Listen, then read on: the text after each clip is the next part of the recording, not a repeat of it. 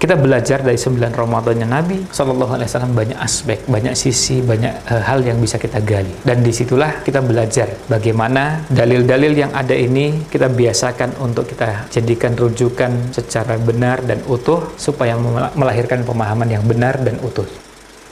Wabarakatuh. Sahabat teras dakwah rahimakumullah. Innal hamdalillah nahmaduhu wa nasta'inuhu wa nastaghfiruh wa na'udzu billahi min syururi anfusina wa min sayyiati a'malina. May yahdihillahu fala mudhillalah wa may yudlil fala hadiyalah wa asyhadu an la ilaha illallah wahdahu la syarikalah wa asyhadu anna muhammadan abduhu wa rasuluh.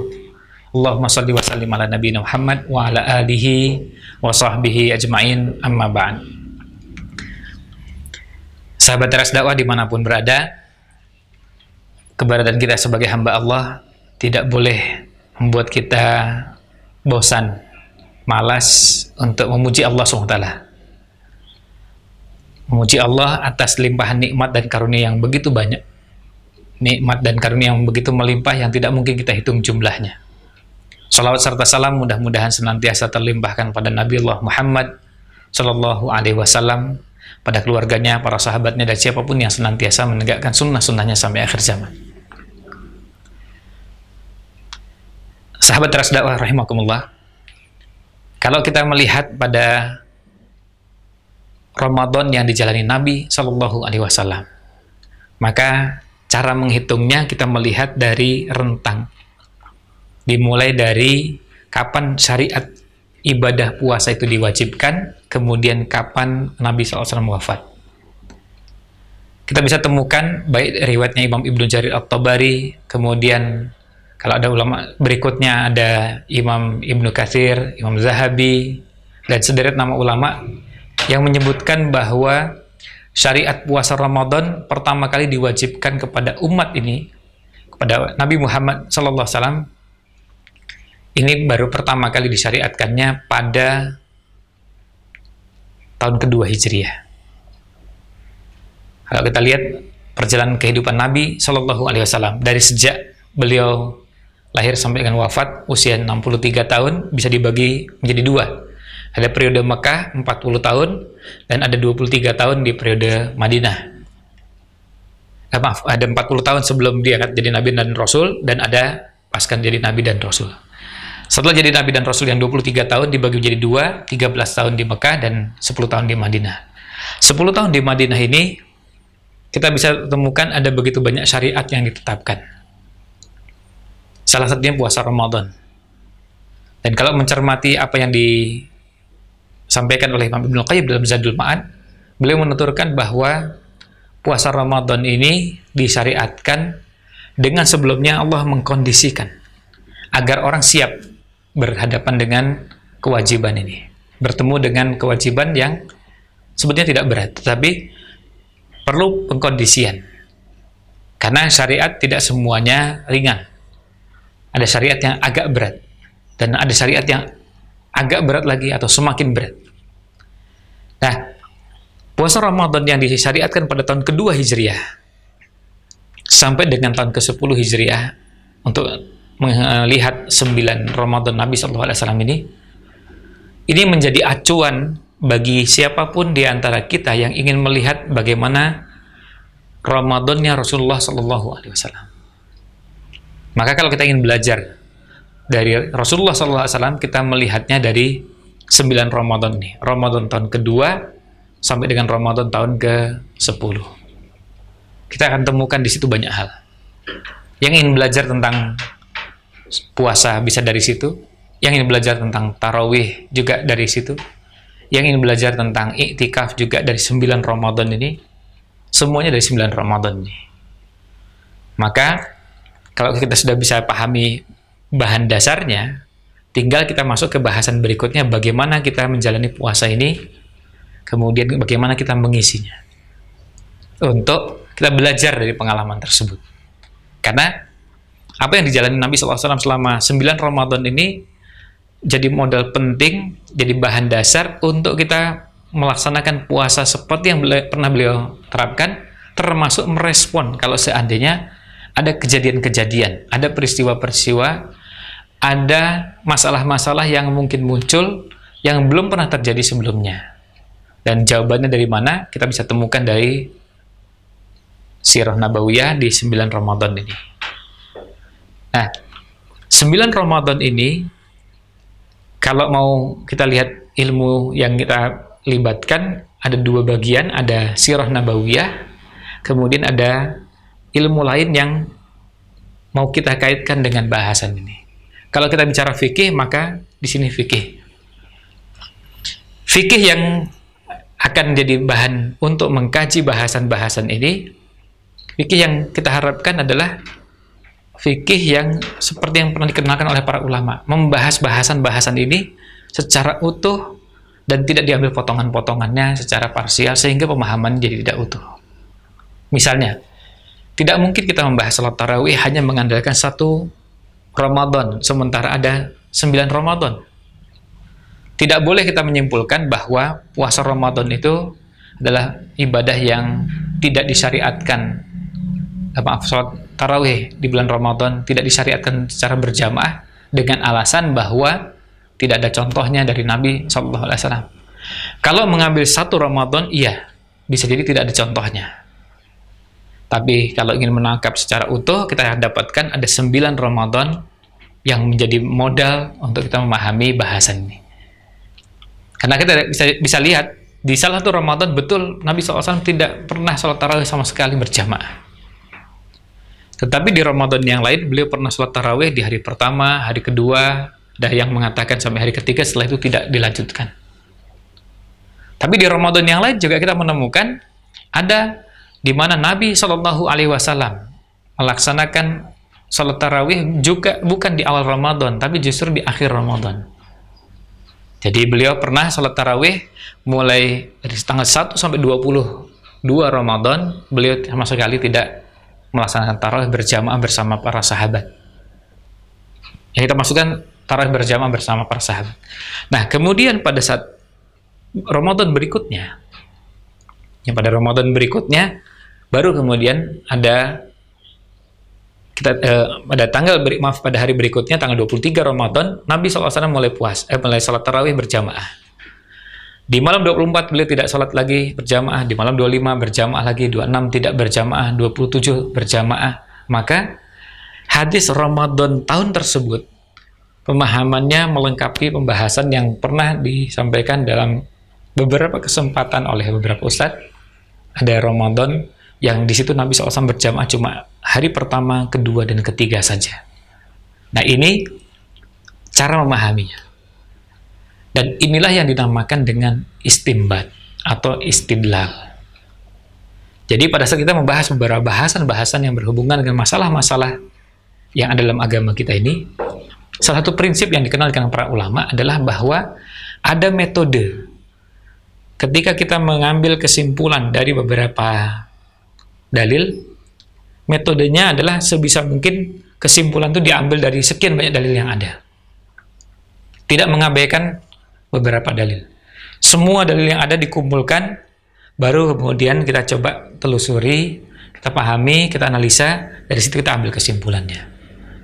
Sebab kalau kita mengambil kesimpulan hanya cuma mengambil sebagian, bisa jadi ada bagian yang lain yang akan mempengaruhi kesimpulan itu ternyata tidak kita gunakan.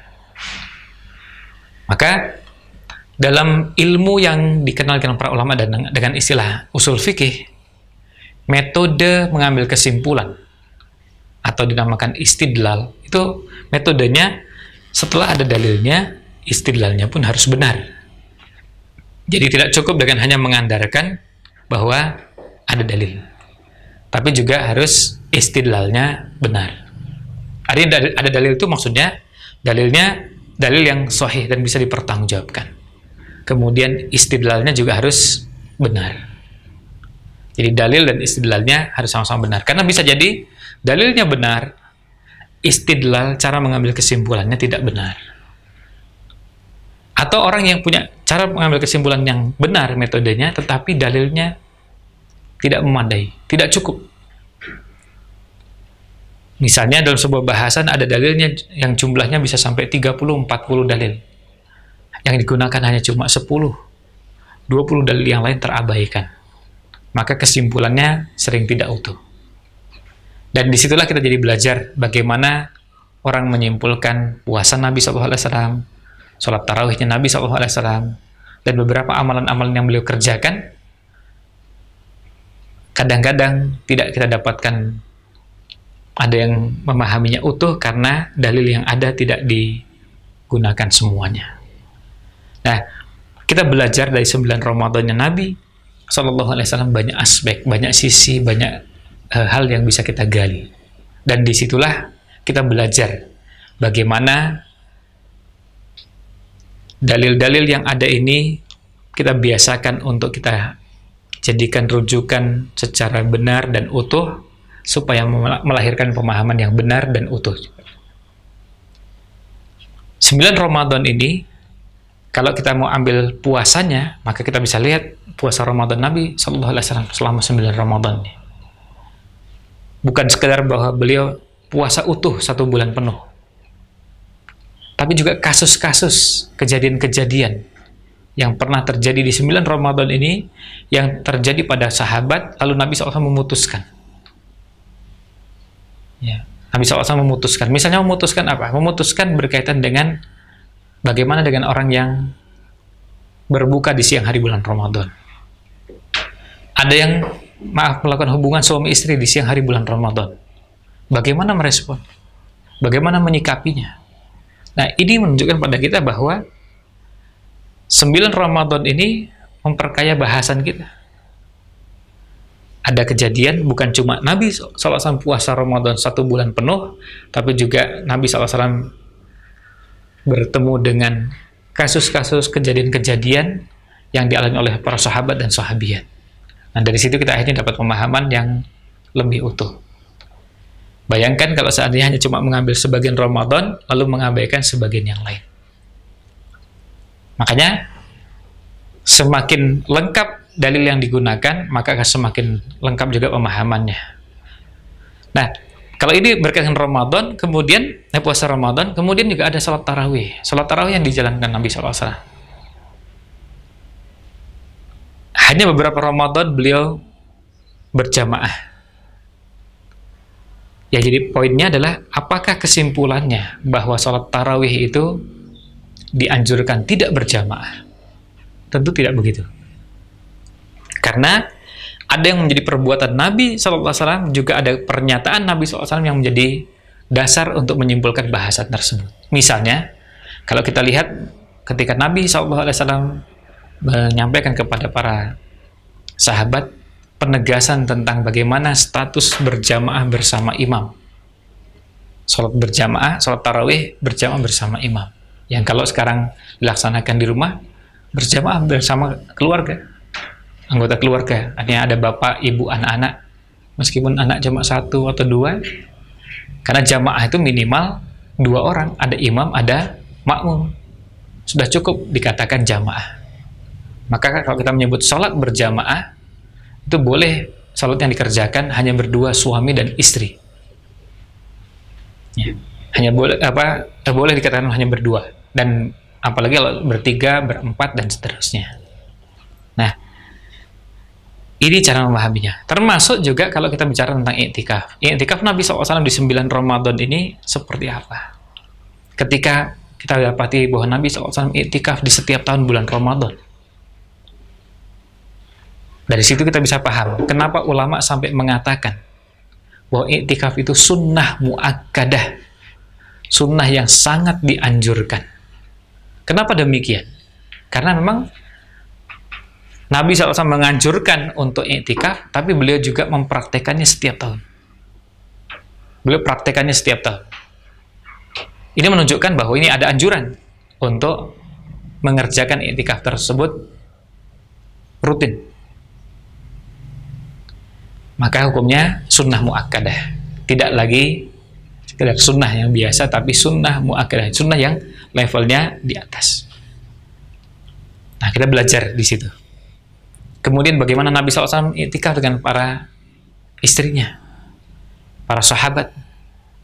Bagaimana beliau itikaf? Kemudian kita temukan ada kejadian ketika beliau sedang iktikaf kemudian beliau mengeluarkan kepalanya dari masjid dan kemudian rambutnya disisir. Ada juga kejadian yang lain. Dan ini kejadian-kejadian yang saling melengkapi. Semuanya ini menjadi sumber atau dasar untuk menetapkan bahasan-bahasan yang berhubungan dengan tema kita. Maka sekali lagi semua bahasan kalau mau dihubungkan dengan zakat fitri juga demikian. Zakat fitri atau zakat fitrah. Ini penyebutannya kalau mengacu pada hadis-hadis yang ada, kita banyak temukan di hadis dengan kata zakatul fitri. Tapi tentu tidak perlu diperdebatkan uh, panjang lebar berkaitan dengan zakat fitri ini atau zakat fitrah. Tapi yang jelas pembahasan ini kita temukan dalam 9 Ramadan Nabi Shallallahu Alaihi Wasallam bagaimana pelaksanaannya. Apakah sudah ada sejak tahun kedua atau baru tahun ketiga, tahun keempat dan seterusnya. Demikian pula yang berhubungan dengan Idul Fitri. Nah, semuanya ini menjadi kerangka dalam kita membahas bahasan ini. Dan kalau kita tahu jumlahnya 9, maka dari situ kita bisa dapatkan pembahasan. Nah, cara memahami seperti inilah sebetulnya yang dikenal di kalangan para ulama di eh, dalam agama kita atau ulama syariah gitu. Misalnya seperti para ulama membahas tentang haji. Hajinya Nabi SAW cuma sekali. Haji wada, haji pertama sekaligus haji terakhir. Maka kita bisa dapatkan penjelasan hajinya Nabi SAW cuma dari satu haji tersebut. Alhamdulillah, meskipun hajinya cuma sekali, tetapi banyak kejadian banyak peristiwa yang sampai sekarang bisa dijadikan acuan untuk memahami persoalan-persoalan yang muncul di zaman kita sekarang. Sehingga pemahaman kita jadi utuh, jadi lengkap dari haji yang dilakukan Nabi Shallallahu Alaihi Wasallam. Ini haji. Demikian pula juga yang berikutnya.